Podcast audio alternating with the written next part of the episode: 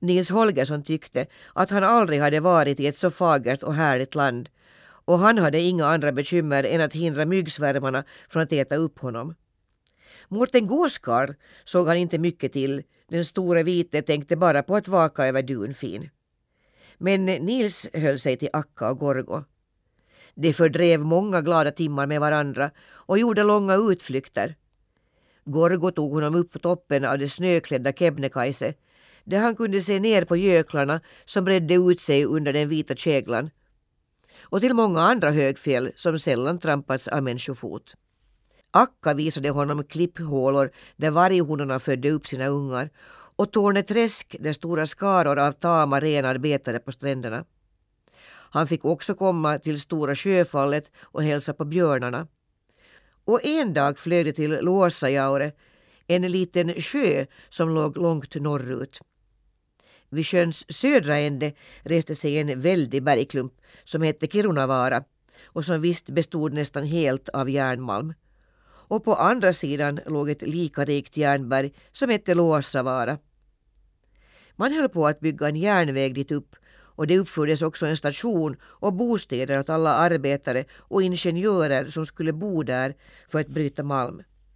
Det sprängdes och murades och snickrades men så var det också en hel liten stad som höll på att växa fram. Väster om sjön låg marken fri och öppen och där hade ett par samefamiljer slagit läger. De hade bara behövt hugga ner några videbuskar och jämna några tuvor för att få sin tomtplats klar.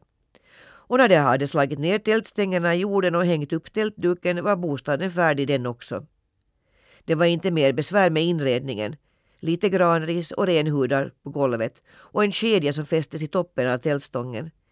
I den skulle grytan hänga över elden när de kokade sitt renkött. Då hade nybyggarna i Kiruna större arbete med att få sina hus färdiga före den stränga vintern. De var nog förvånade över samerna som strövat omkring här uppe i många hundra år utan att skydda sig bättre mot köld och storm än med tunna tältväggar.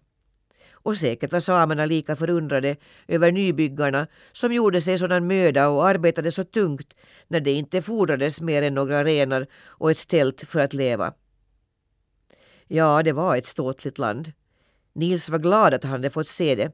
Men inte ville han bo här för gott. Nej, han tyckte Akka hade rätt som menade att det här landet kunde nybyggarna lika gärna lämnat i fred och överlåtit åt björn och varg och renar och till samerna förstås. Nils tyckte att det var på tiden att vildgässen drog söderöver. De började få det ganska ruskigt i fjälldalen. Storm, regn och tjock dimma följde på varandra utan uppehåll. Och när det klarnade upp blev det genast fryskallt. Under sommaren hade han levt på bär och svamp men nu hade bären frusit och svampen ruttnat och till sist blev han tvungen att äta råfisk. Och det tyckte han inte alls om. Dagarna var mycket kortare nu och det blev ganska långtråkigt med de tidiga kvällarna och sena morgnarna för en som inte kunde sova lika länge som solen var borta från himlen. Men det var inte bara därför att det var mörkt och kallt och ont om mat som han längtade bort från Lappland. Han längtade efter att få resa hem med Mårten Gåskarl och bli människa igen. Och en morgon låg marken vit så långt han kunde se. Snön smälte visserligen fram på dagen men nu gav Akka signal till uppbrott. Gässlingarnas vingar hade vuxit ut och nu kunde de resa. 31 vildgäss flög i ordnad fylking mot söder. Det brusade i fjädrarna och vingarna piskade luften med ett sådant vinande att man knappt kunde höra sin egen röst. Akka från Kebnekaise flög i spetsen följd av Yksi, Kaksi, Kolme och Nelje i den ena raden och Visi, Kuusi, Dunfin och Mårten med Nils på ryggen i den andra. Och efter dem kom 22 gässlingar. De stackars ungarna som aldrig gjort någon långtur hade det svårt att följa med. Akka, Akka, Akka, ropade jämmerligt. Våra vingar har tröttnat. Det går bättre ju längre ni håller på, sa Akka och flög på som förut. Och hon hade nog rätt, för när gässlingarna hade flugit ett par timmar klagade de inte mera över trötthet.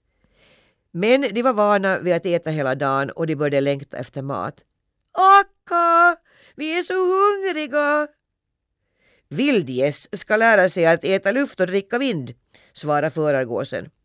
Och de lärde sig visst att leva av luft, för när de hade flugit en stund klagade de inte mer över hunger. De gamla gässen ropade ut namnen på alla bergstoppar för att ungarna skulle lära sig dem. Porso Tjocko, Sarjek Tjocko, Sulitelma. Akka, akka, vi får inte rum för flera namn i våra huvuden, klagade ungarna. Ju mer som kommer in i ett huvud desto mer rum blir det där, svarade Akka och fortsatte ropa ut de märkvärdiga namnen. Pojken blev lycklig när han fick se den första granskogen, den första grå fjällgården, den första geten, den första katten och han svängde med luvan och hurrade. Björnarna vid Tännforsen brummade till sina ungar. Se på det där som är så rädda för lite köld att de inte törs stanna hemma om vintern. Men de gamla vildgässen blev dem inte svaret skyldiga.